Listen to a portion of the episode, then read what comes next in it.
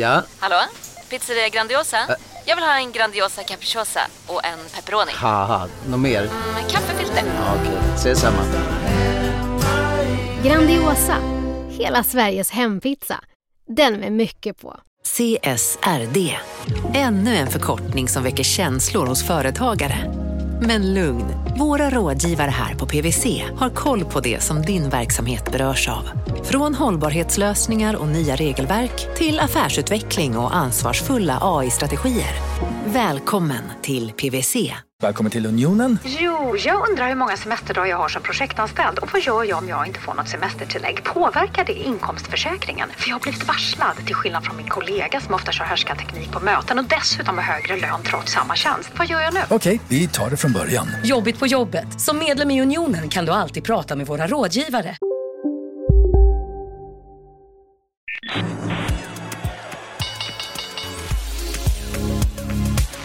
Här är Affärsvärlden Magasin med Helene Rådstein. Hej och hjärtligt välkomna till podden Affärsvärlden Magasin där vi varje måndag fördjupar oss i affärsvärldens journalistik. Jag heter Helene Rådstein och nu sitter jag här med Joel Backesten som är förvaltare på Danske Invest Sveriges småbolag. Och vi ska prata småbolag och jag säger välkommen hit. Tack så mycket, det ska bli jättekul. Du, eh, hur länge har du varit förvaltare? Jag har varit förvaltare för svenska aktier i ungefär fyra år. Jag började på Danske Bank direkt efter plugget. Och, men började faktiskt i Köpenhamn, så jag började på fixed inkomstsidan. Så jag satt med räntor. Nämligen realränteobligationer. Mm. Så länkade inflationen. Men sen bytte jag till rätt sida, och nämligen aktier och småbolag. Varför var det rätt sida då? Jag har alltid hållit på med aktier, aktieintresserad, varit med i Unga Aktiesparare. Och det är egentligen på räntesidan, då satt man och var glad för en baspunkt per dag när man tjänar det. Det är lite mer action på småbolag och där kan du verkligen få en bra uppgång om du hittar rätt bolag att investera i. Det, och det har ju verkligen varit action också i småbolag kan man ju säga den senaste tiden. Ja, det har ju verkligen varit Först var det ju väldigt mycket ner kring corona, även för småbolag. Men på senaste tiden har det ju hänt otroligt mycket. Men små bolag egentligen, de växer ju vinsten snabbare än de större bolagen. Och med högre vinsttillväxt och högre liksom, vinst per aktie så kommer ju aktiekurserna även gå mycket starkare jämfört med de större bolagen. Mm. Som småbolagsförvaltare, vad är det första du tittar på i ett eh, bolag? Jag skulle säga att ledningen i bolaget är jätteviktigt. För det är egentligen de som ska exekvera på strategin. Så att en, en, dålig ledning kan ju få ett bra bolag att bli dåligt. Men även tvärtom. Så att en bra ledning kan ju verkligen vända ett bolag operationellt och få ut produkten. Självklart måste man ha en bra produkt att erbjuda till marknaden. Men ledningen är superviktigt tycker jag. När du ska utvärdera, ja, är det här en bra ledning? Vad tittar du på då?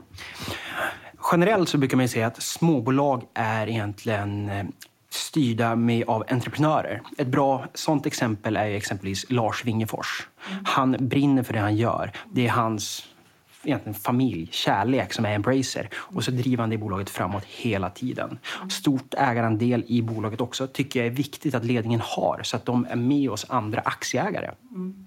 Ja, men ska vi, vi tar några innehav. Om vi börjar med Embracer. Då. Eh, hur ser deras balansräkning ut efter de tog in eh, massa pengar igår? Den stärktes upp ganska ordentligt och redan innan hade de en stark balansräkning. Igår tog de in strax över 8 miljarder och då har de ändå haft nettokassa sedan tidigare. Så att nu har de ju egentligen skattekistan full för att kunna fortsätta köpa bolag. Och kollar vi historiskt har de ju även betalat stor del av förvärven med aktier, vilket gör att de kan köpa bolag för en betydande andel om man går efter historien. Så du menar, de har, det är 16 miljarder de har eh, liksom i cash om de vill och köpa. Och så menar du att om de också köper genom aktier så är det... Kan man säga hur mycket det är?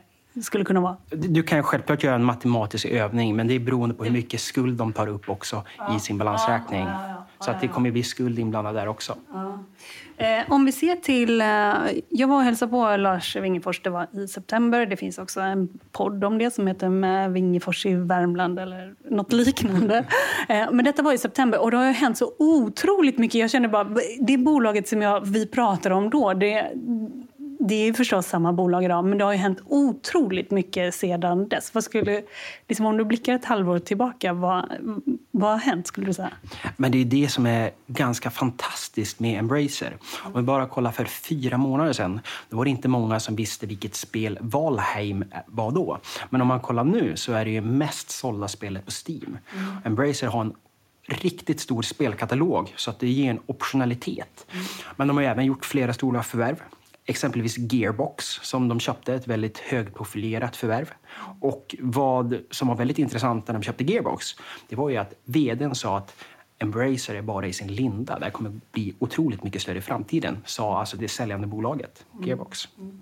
Men eh, frågan är, som jag vet att vår chefredaktör Peter Benson har tagit upp, det är till exempel kommer man lyckas att hålla ihop det här på sikt?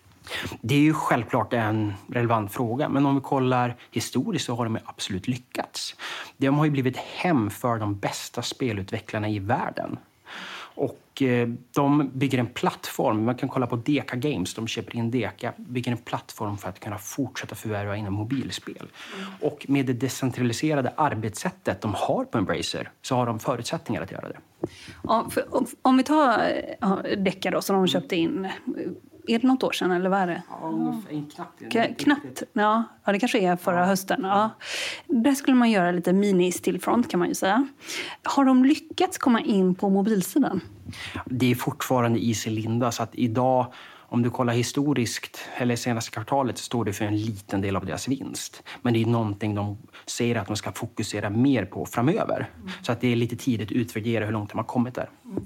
Och om vi tar då eh, mobilspel, vad är uppsidan, varför är det viktigt att också ha mobilspel i sin portfölj? Förutom att det är en del av att bredda sitt utbud såklart.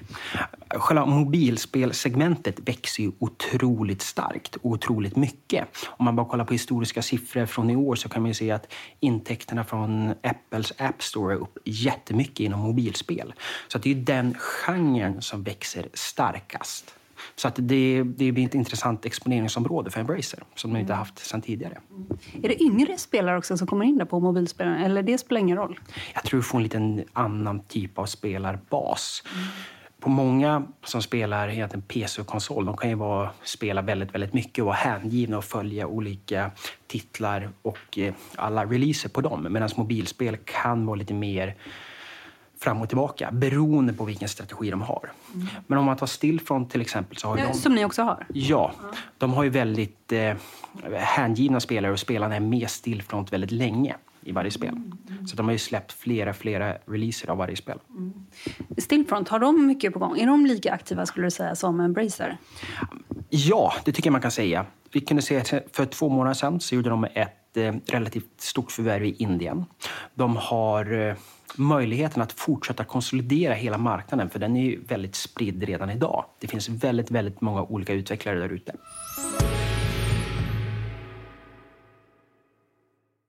Marknaden sponsras av SPP, pensionsbolaget. Eh, förra gången pratade vi lite om ITP. Och som en kort repetition så, så var det ju 70-tal, arbetsmarknadens parter bestämde att alla tjänstemän ska ha en tjänstepension. Man kom överens om vilka villkor som ska gälla i den här pensionen och så kallade man den för ITP. Så jobbar man idag som tjänsteman i ett företag med kollektivavtal, då har man förmodligen den här pensionen, ITP-pensionen. Eh, och det är ju så att man kan påverka eh, den här pensionen, hur den är placerad. Vart femte år så gör nämligen Collectum, som de heter, en enorm upphandling där olika pensionsbolag kan ansöka om att få förvalta eh, de här pensionerna. Och SPP är ett av bolagen som valdes ut i den senaste upphandlingen. Och sen kan du som pensionssparare välja eh, vilket av de här olika pensionsbolagen som, som då ska få ta hand om dina pengar. Och tanken med den här upphandlingen är ju att liksom kvalitetssäkra de här olika alternativen eh, men också att förhandla fram stora rabatter så att pensionsspararna ska få ja, kunna spara pengar genom att avgifterna eh, som är så viktiga eh, blir eh, lägre. Och vill man välja någonting i ITP-systemet då finns det en relativt ny sajt som heter avtalat.se. Ehm, där kan man gå in och se hur sin ITP-pension är placerad. Jag gjorde det häromdagen faktiskt. Ehm, idén är att hälften av pengarna alltid ligger i något som kallas för traditionell försäkring. Det här gjorde vi ett avsnitt om i podden Kapitalet nyligen eh, som vi kallade världens bästa sparform. kan man lyssna på om man är intresserad. Eh, den andra halvan eh, den kan man också lägga i en traditionell försäkring eller så kan man placera det i något som kallas för fondförsäkring. Ehm, SPP som sagt eh, var ju ett av de fåtal bolagen som valdes ut i den senaste upphandlingen och de finns med som alternativ både med en traditionell försäkring och med eh, fonder. Så det var en liten bakgrund till ITP-systemet. Vill man läsa mer om det här eller typ kolla hur ITP-pensionen är placerad, eh, kanske göra förändringar, då går man in på avtalat.se. Eh, men tack säger jag till SPP som vill göra oss människor mer medvetna om hur enormt viktig pensionen är för oss som en framtida lön, men också som en positiv kraft i samhället eh, och förstås för att ni möjliggör eh, den här podden Marknaden. Du lyssnar på Affärsvärlden Magasin med Helene Rådstein. Jag vet när jag träffade Lars Wingefors så pratade vi om att de är väldigt stora på den europeiska marknaden. Och då svarade han ungefär, jo men det finns ju inte så stora spelbolag här så det är ju ingenting. Om man ska jämföra oss med de andra stora globala spelarna så är vi ju jättesmå fortfarande. Har du någon kommentar till det och har du någon kommentar till var Stillfront, var man kan placera Stillfront någonstans på en global skala? Men om vi börjar med Embracer och Europa så har väl Lars sagt att de siktar på att först bli störst i Europa. Mm. Det kan jag inte exakt koll på siffrorna, men de har ju, om du kollar på marknadsvärdet på Embracer idag så är de ju väldigt, väldigt stora. Men det finns vissa jättedrakar i USA, som du nämnde. Och skillnaden där är väl att de kör riktiga AAA games, så att de lägger extremt mycket fokus på några spel. Mm. Och Stillfront är ju absolut en stor aktör på marknaden och kommer fortsätta förvärva enligt deras strategi, som de säger. Men eh, det är svårt att uttala sig exakt vart de står marknadsposition för att inom spel handlar det om att ha bra spel och fortsätta utveckla spel också. Mm. Och eh, om vi ska säga de här AAA, det är alltså en eh, stor hit kan man säga, eller? Eh, ja, eller AAA, då kan man tänka GTA som läggs väldigt, väldigt många år på att utveckla och väldigt, väldigt mycket pengar på att utveckla det här spelet. Så det blir stora förhoppningar på att det här spelet måste lyckas, annars blir det väldigt tufft. Du lyssnar på Affärsvärlden Magasin med Helene Rådstein. Din fond det, det har gått eh, bra. Det har gått väldigt bra om man ser ett år tillbaka. I år är ni uppe nästan 10% 9-10 eller någonting. Men eh, sen ett år tillbaka är ni uppe 100. Och det kan man väl tillägga att om man ser till Carnegies småbolagsindex så är småbolagen upp där någonstans, eller? Ja, eh, det, det blev, blev en väldigt nedgång där under coronatiden. Mm. Och på ett år så tror jag vi ligger ungefär 25 procent före index. Mm. När jag säger vi, så att jag har även en kollega, Max Fridén, ja. som sitter med. Så vi förvaltar småbolagsfonden tillsammans. Ja, ja. Så Max började för, faktiskt relativt ny i vårt team, började för två månader sedan. Men att det ändå har gått så pass bra, finns det några, vad i portföljen har gått bäst skulle du säga? Eller är det liksom, ni har gjort alla rätt? man skulle önska att man kan säga att man har gjort alla rätt, men ja. så, så är det ju inte. Utan man brukar väl säga att om man har rätt 55 procent av tiden och har fel 45 procent av tiden, mm. då kommer det bli otroligt bra i längden. Mm. Det är väl en quote som jag tror Warren Buffett har sagt några gånger. Mm. Men vi har haft rätt innehav till rätt viktningar. Och sen har vi haft exempelvis eh, Sinch som haft en strålande utveckling. Mm. Stiptech gått fantastiskt bra. Mm. Även en del mindre bolag som exempelvis Lime som utvecklats jättestarkt. Danska Chemometec har vi i portföljen också som har utvecklats jättestarkt. Om vi tar Stiptech, de har ju gjort ganska mycket här på bara sedan ett år tillbaka. De håller väl på att göra om bolaget på alla fronter, eller? De har gjort en fantastisk resa. De började ju in, egentligen inom tre områden där eh, Property Technical Service var det största området. Och där hade de lite problem och det var ganska låga marginaler. Så att när de väl kom till börsen så det fick en tuff start. Men Jakob och Lennart, som vd och CFO heter, har egentligen minskat ner Property Technical Service och fortsatt förvärva inom Special Infra och inom Water and Energy. Och exempel på bolag där inom, det kan vara fartkameror i UK. Det är exempel på bolag de förvärvar, så det är en compounder. Och på det här sättet har de fått upp marginalen otroligt mycket. Och så har de även under tiden sålt av delar av Property Technical Service med låg marginal. Tillsammans fått upp förtroendet för aktiemarknaden. Så har det blivit en väldigt, väldigt bra resa. Och eh, CFO han kommer från Lagercrantz va? Det stämmer mycket bra. Ja. Har du det också i portföljen? Ja, Ja. Lagercrantz också. Du gillar compounders? Men jag tycker compounders är ganska intressanta för att aktiemarknaden är inte alltid så smart. Så att om, eh, vi kan ta om Stiptech köper någonting för 9 gånger ebit men själv värderas det 18 gånger ebit. Så när de flyttar in det in, liksom, och börjar rapportera med de siffrorna då fördubblas ju den vinsten de köpte. Så det gör ett multipelarbitrage. Och det multipelarbitraget har historiskt fungerat jättebra. Om vi då ser till ett annat innehav som ni har i fonden, Ratos, så är väl de lite på väg åt det hållet, eller? Är det, är det, är det att dra det för långt? Jag skulle inte direkt säga att Ratos är bland handelsbolagen. Men är de inte på väg ditåt? Jag tror de vill säkert ta ett steg ditåt. Men de kommer inte säga att de är där idag. Eller, och det är liksom, de, de har fortfarande en lång resa att att göra innan de väl är där. Men exempelvis att de ska ta in sin eh, finansiering. Idag ligger finansieringen i deras dotterbolag. Men nu ska de centralisera den. Samma väg som de andra handelsbolagen gör. Att de ska sluta rapportera NAV och istället börja rapportera och fokusera på ebitda-tillväxt. Det är likadant som de andra handelsbolagen också. Så att de tar små steg. För ni har, eh, Ratos vet jag att det är ett innehav som ni har tagit in ganska nyligen ändå. Kan du säga hur, hur du resonerade där? Men Ratos har ju egentligen en väldigt stor förtroenderabatt. Och det har de ju förtjänat, om man är helt ärlig. För att det har ju inte varit jättebra historiskt. Sen egentligen kom Jonas in, Wiström, gamla Afry. Ja, Afri, OF. Ja. OF har vi för övrigt också i portföljen. Men eh, då kom han in och har gjort om väldigt mycket. Antalet personer på huvudkontoret har halverats. Bytt ut många ledningar i dotterbolagen. Helt sagt stopp för förvärv av nya bolag. Han sa att vi måste först ordna den liksom organiska tillväxten och marginalen i våra dotterbolag innan vi börjar förvärva. Gjort om incitamentsstrukturen för alla som jobbar. Att det, du ska få incitament om det går bra, inte om det går dåligt. Eh, Så att han har egentligen tagit Ratos och gjort turnarounden. Så kollar du på Ratos nu så anser inte vi att det är en turnaround längre. Under 2020 så tror jag 10 av 11 bolag ökade sin ebitda. 9 av 11 ökade sin ebit-marginal. Vad är det för bolag? Om vi ska nämna några.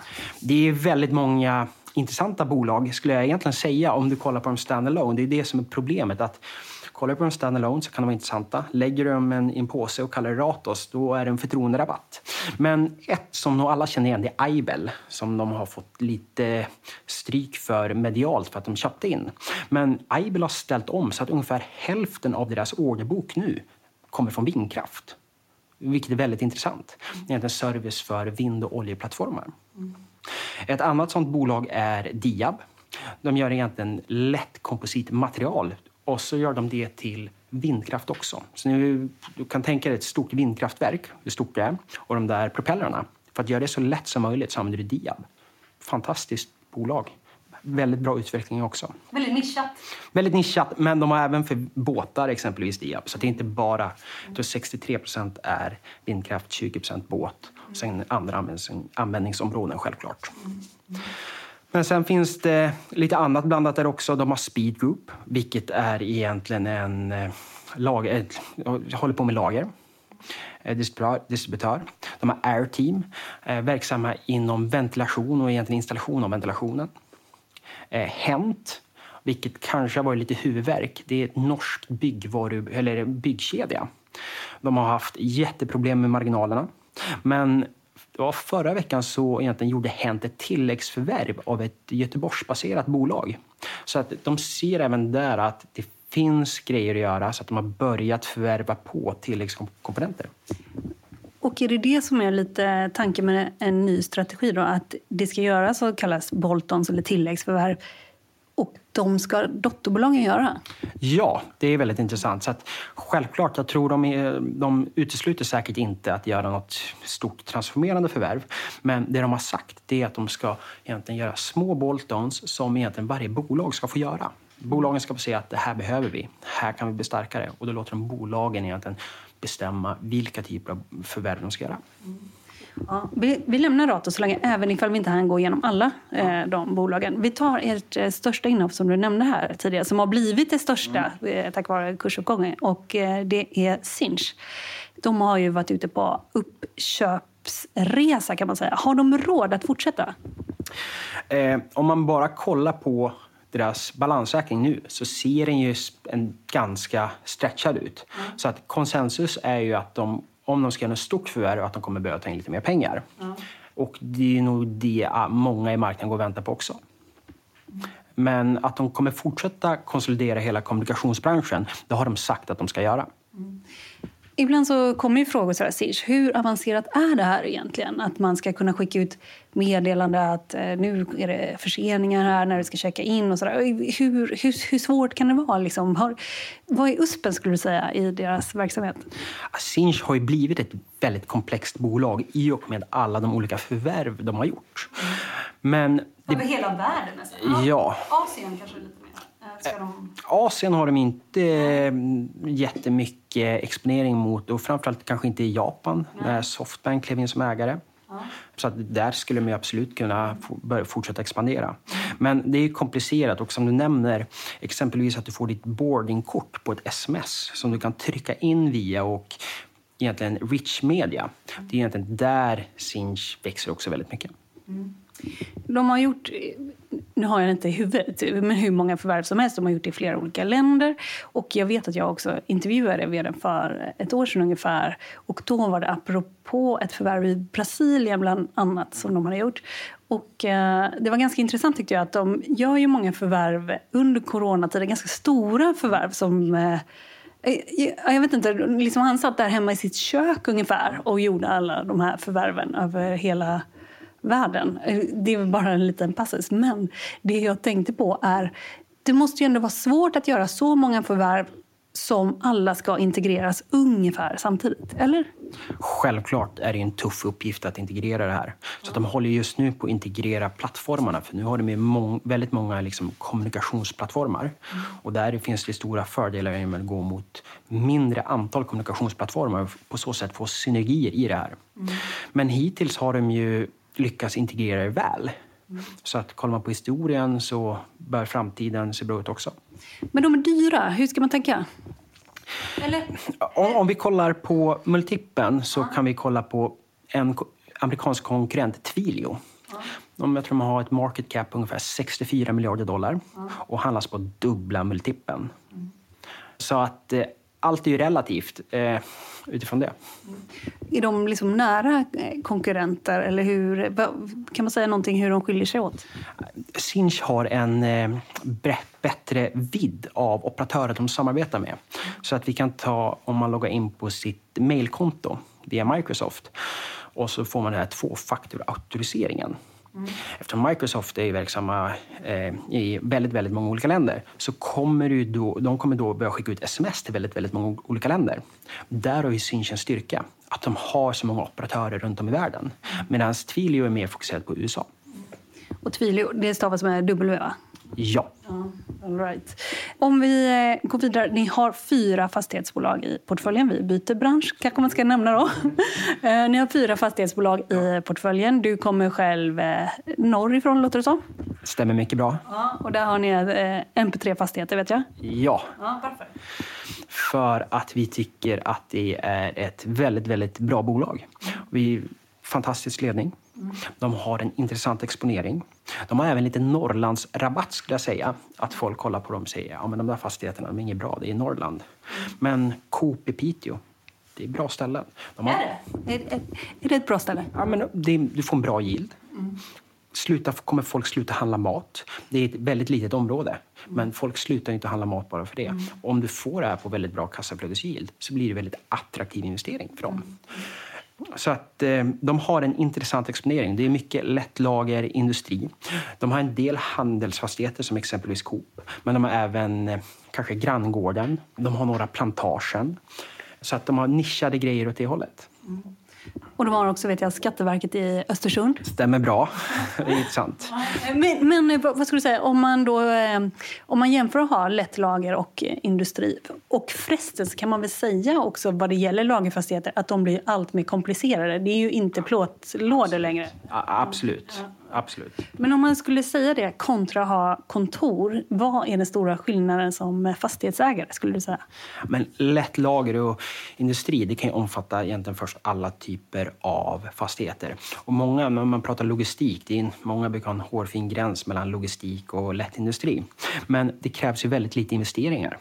Det, vad behöver man? Man behöver kanske en färgburk från Jysk och måla om varannat år i en sån typ av lokal. Det kan egentligen bara vara en låda i många fall. Men har du ett kontor, då behöver du bygga om. Du behöver ändra, får du en ny hyresgäst kommer du behöva ändra layouten. Så det kräver mer tilläggsinvesteringar. Det är också jobbigt att ha med människor att göra, eller? Ja, men det är, människor är bra. men, men det, blir, det blir väldigt fint på, om du kollar på hur de här bolagen får igenom kassaflödena, vilket vi gillar med MP3. Och om vi pratar om kassaflöden så kan vi också prata om... Jag vet att MP3-fastigheter ibland kallas mini-Sagax. Vi kan ju prata om Sagax med David Mindus i spetsen. Det har ni också. Varför? För att... Eh, exakt egentligen samma argument. De ökar sin förvaltningsresultat varje år. Vi kan göra det bara väldigt, väldigt enkelt. Om de har en yield, vilket är en direktavkastning på deras fastigheter, på 6% De lånar till 2% bara förenklat nu. Och så har du 50% belåning på det. Då har du whoops, 8% tillväxt i ditt kassaflöde. Och sen får du en indexering på din hyra på 2% per år. Med belåning, då har du 12 procent. Sen gör du tilläggsinvesteringar i fastigheterna och då får du upp din hyra väldigt mycket mer. Och på så sätt skapar du en tillväxt i ditt förvaltningsresultat som egentligen driver tillväxten i EPRA-navet. Mm, okay. Om vi då ser på David Mindus som har varit där väldigt länge. Jag har frågat honom några gånger om han vill vara med i en intervju i Affärsvärlden. Det vill han, det vill han inte. Han, jag, jag, vet inte varför. Men har du fått access till honom? Jag har träffat David Mindus, ja. ja. Eh, när då? Kan, kan jag följa med nästa gång? Nej, men vi var på deras kontor och talade med honom. Superduktig. Mm. Och han har ju verkligen lyckats och gjort rätt saker i Sagax. Mm. Så att det är verkligen imponerande vad han har gjort och vad han har skapat. Men har du sett honom i, figurera i pressen särskilt ofta? Det är mindre ofta. Ah, varför? Det är en bra fråga. Eh, inte riktigt reflekterat på den, men han kanske tänker att han exekverar och levererar bra resultat istället och låter det tala för sig, vilket han har gjort också. Mm. Ja, det kan det ju vara. Action Talks eller, ja. eller vad man ska säga. Ja. Vilka två andra fastighetsbolag är det ni har? Vi har Nyfosa. Ja. Vi har även eh, Platser. Jaha. Pla är, är, kan man säga att Platser är lite som Fabege i Stockholm så är Platser det i Göteborg? Inte riktigt skulle jag säga. Helt fel? Ja, inte helt fel, men inte riktigt. Jag skulle inte riktigt säga det. Utan Platser har en väldigt intressant byggrättsportfölj. De äger, jag tror, enda bolaget som fortfarande äger mark i hamnen och kan fortsätta bygga där. De har Södra Änggården. Så att de har mycket projekt som kommer ut. Mm. Men självklart så har de mycket kontor, vilket mm. även Fabege har. Mm. Men jag tycker skillnaden är att platser får igenom kassaflödet också. Så de har, utifrån det jämfört med Fabege. Ja. Så Fabege mer liksom behöver egentligen utveckla, bygga och sälja därifrån. Mm. Mm. Och eh, Nyfosa, det, det, är väl ett halvnytt bolag egentligen, eller? Det stämmer bra. Det var ju, knoppades ju av av Hemfosa där för ja. två, tre år sedan. Mm, ja. ja. Men han har ju lämnat nu. Ja. Stina tog över för tre månader sedan, tror jag, eller fyra. Eh, men det är ett väldigt entreprenöriellt bolag. Mm. Eh, gör otroligt mycket transaktioner, skapar värden därifrån.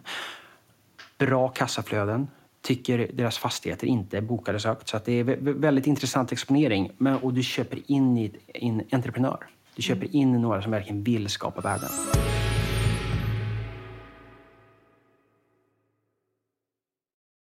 Eh, marknaden sponsras av Karla. Eh, vi pratar ju en hel del om bilar här på kontoret. Eh, Karla har ju skapat, skulle jag säga, det som är standarden för hur man idag köper och säljer bilar på nätet. Kort bakgrund bara. Karla säljer och leasar begagnade elbilar och laddhybrider på karla.se. Alltså en helt digital upplevelse. Och man har gjort det här med ett nästan maniskt fokus på vad en bilköpare faktiskt behöver. Jag gjorde ju en intervju med en av grundarna, Patrik Illerstig, i marknaden här eh, ganska nyligen, eh, daterad 25 mars, om man vill lyssna på den. Eh, men där berättar han hur de kom in i det här lite från vänster för att försöka uppfinna hela den här liksom bilköpupplevelsen från början. Och de har idag, vilket är rätt otroligt, 4,8 i betyg eh, på Trustpilot. Jag, jag har sett många företagssidor på Trustpilot, men det här är nog bland eh, det bästa jag någonsin sett eh, faktiskt. Man kan sälja bilen till Karla också. Eh, då går man in på karla.se, delar lite info om bilen, sen får man en gratis värdering och ett bud. De hämtar bilen helt gratis i hela Sverige och så har man pengarna på kontot i samma stund som de hämtar bilen. Det är grymt. Eh, så ska du köpa en ny bil eller sälja din gamla, eller båda delar för den delen, gå in på karla.se och eh, kolla. Alltså karla.se och Karla stavas med C. Tack så mycket till Karla. Du lyssnar på Affärsvärlden Magasin med Helene Rådstein. Jag sa förresten här lite slarvigt, du kommer eh, norrifrån. Eh, var kommer du ifrån? kommer från Umeå, Norrlands huvudstad. Mm. Är det ni som säger att det är Norrlands huvudstad, eller vem är det som säger det? Jag tror det är allmänt. Det är allmänt, alla vet om det. Ja, okay. Nej. Ja, ja, men, men, men, men numera så bor du i Stockholm, fast du bodde tidigare också i Köpenhamn. Stämmer bra. Ja. Du, eh, har du något annat eh, bolag som har sitt säte lite norr om, eh, norr om Stockholm, utanför tullarna, norrut? Vi har ju faktiskt ett bolag som har huvudkontor i Umeå ja. som har haft en fantastisk fin utveckling, nämligen Vitek. Ja. Så mjukvarubolaget, eller de äger egentligen en massa olika typer av mjukvaror. Du kan tänka dig mjukvara för begravningsentreprenörer, mjukvara för frisörer. Jag tror alla mäklare i Sverige använder deras mjukvara. Så att de har jag tror, 24 olika affärsområden med olika typer av mjukvaror. Igen, ett bolag som gör många förvärv plockar in dem för att sen lägga om deras indexmodell till mer recurring typ. Och så kör de på därifrån. Mm. Har du träffat vdn? Lars Stenlund, ja, han har jag träffat. Han avgick här för två veckor sedan. Och då kommer eh, deras CFO, Olle Backman, ta över. Som även är väldigt duktig och har varit med i bolaget länge. Apropå ledningar, när det händer liksom att eh, en vd lämnar eller någon tar över. Nu pratar vi här om Nyfosa tidigare och nu Vitek. Hur tänker du när du ser sådana typer av ledningsförändringar? Självklart beror det på vilken situation det är i. Nu har Lars, jag tror han ska vara i bolaget väldigt länge och gå i pension och det har känts som det har varit på gång ett tag. Så att man kanske bara funderar på när kliver han av? Mm. Och det var ju samma sak med Jens Engvall. Han hade ju sagt att han kommer lämna inom en två, tre års period. Mm. Eh, men självklart kan det vara tufft att tappa en otroligt bra ledare. Mm. Mm. Så att exempelvis om Lars Wingefors hade klivit av ur Embracer, då hade man ju börjat, aj då. Mm. Så är det ju med vissa som är till exempel Lars Wingefors eller vad har vi mer? Erik Selin. Ni har inte Balder? Nej, det är för Nej, stort. det är för stort. Ja. Men eh, där man eh, faktiskt, jag tycker vi kan fråga det om Embracer. Vad vore bolaget utan honom? Det är en jättesvår fråga. Men han har ju verkligen lyckats göra något fantastiskt. Och han har ju drivit upp hela den där resan. Så att hade han lämnat, då hade man ju... Eh, jag tror man, det är väldigt decentraliserat. Väldigt viktigt att påpeka. Så att han sitter inte och tar besluten från Karlstad. Utan det tar ju varje spelstudio och sen självklart har han en överblick. Men så det hade ju förenklat lite om han hade lämnat. Men det hade varit fortfarande en otroligt tung förlust. Mm. Då hade kursen rasat tror du? Jag tror inte att kursen hade kanske reagerat bra om han hade avgått. Mm. Du nämnde också eh, Lime här i början av avsnittet. De håller på med kundregister och eh, CRM-system kan man ju säga. Det finns väl en rad konkurrenter där. Hur ser du på det? Ja, eh, det finns väldigt många verksamma inom det här. Det är egentligen GDPR som öppnade upp att du är tvungen att ha de här CRM-systemen. Och det fick, det fick ju en jättetillväxt efter det. Aha. Men det Lime gör, till skillnad från många andra, det är att 40 procent av intäkterna i Lime det kommer från konsulttimmar. Så att de kommer ut i företagen och hjälper dem att implementera de här CRM-systemen och koppla ihop det kanske med andra system så att eh, göra specifikationer som just det här företaget behöver. Och på så sätt får de en edge. Så att det är ingenting som du bara kan egentligen trycka på köp i en webbshop och så har du ett CRM-system. Och så är det med väldigt många andra eh, CRM-system, exempelvis Salesforce och liknande. Mm. Under din tid eh, som du har ägnat dig åt aktier, så här, vilken är din sämsta affär som du har gjort? Eller som du har gjort privat? Eh, man har gjort några affärer som man tänkte tillbaka, det där kanske man inte skulle ha gjort. Men eh, i småbolagsfonden så ägde vi Tigo från höga nivåer ner till låga nivåer. Det, det, det, är aldrig bra. Nej, det är aldrig bra. Så att den, den var ju inte lyckosam. Det är bara att ta... Vi var, hade även Bull i början när de fick FDA-problem. Och då rasade ju aktien. Hade vi även i småbolagsfonden. Mm. Men sånt kommer ju och det är det som jag tror är ganska viktigt när du bygger en portfölj. Att du har en bra portföljkonstruktion. Mm. Att du inte lägger in allting på ett kort. Mm. Utan du har verkligen en portfölj. Så att har du ett bolag som går tyngre, ja, men du har andra bolag som hjälper till och sprider riskerna. Mm. Speciellt inom småbolag där det kan vara stora kast. Mm. För hur många innehav har ni totalt? Idag har vi 43 innehav. Mm. Så vi brukar se att mellan 30, 50, 45 innehav. Mm. Och det största, eh, det, det, största innehavet som är Sinch, det är heller inte så jättestort? Eller liksom... Nej, det är 5 procent. Och då, men nu har vi minskat ner lite i Sinch för några, någon månad sedan. Mm. Eh, men eh, vi känner att genom att ha 35 45 innehav och så har vi rätt viktning och förhoppningsvis rätt innehav så kommer det bli väldigt, väldigt bra. Mm. Så vi vill egentligen att avkastningen ska komma från alla våra innehav och inte bara ett. Mm. På så sätt få en välbalanserad portfölj. Hur kom det sig från början att du blev intresserad av aktier? Har du varit det sedan du var ungdom? Liksom? Jag tror det. Min far satt på text-tv och kollade aktiekurser. Ja, ja. Så att jag har väl fått det lite därifrån. Ja. Eh, sen var man väl fast. Ja. Och så började du köpa så på egen hand. Vad, vad var det första, de första innehaven? Jag tror faktiskt jag hade väldigt bra hit ratio. Jag satt och kollade tillbaka. Hade jag haft kvar mina Bure som jag köpte, ja. då hade det blivit väldigt, väldigt bra. Mm. Tyvärr höll jag inte kvar dem och det kanske visar liksom vikten av långsiktighet. Mm. Mm. så det hade, den hade ju nog gått väldigt, väldigt många procent sedan dess. Jag frågade ju här tidigare vilka som var dina eh, liksom sämre affärer och så. Vilka, vad önskar du att du hade gjort för någonting? Vilka innehav eh, kan du blicka tillbaka på nu och tänka, ah, fasen, det borde jag ha plockat in?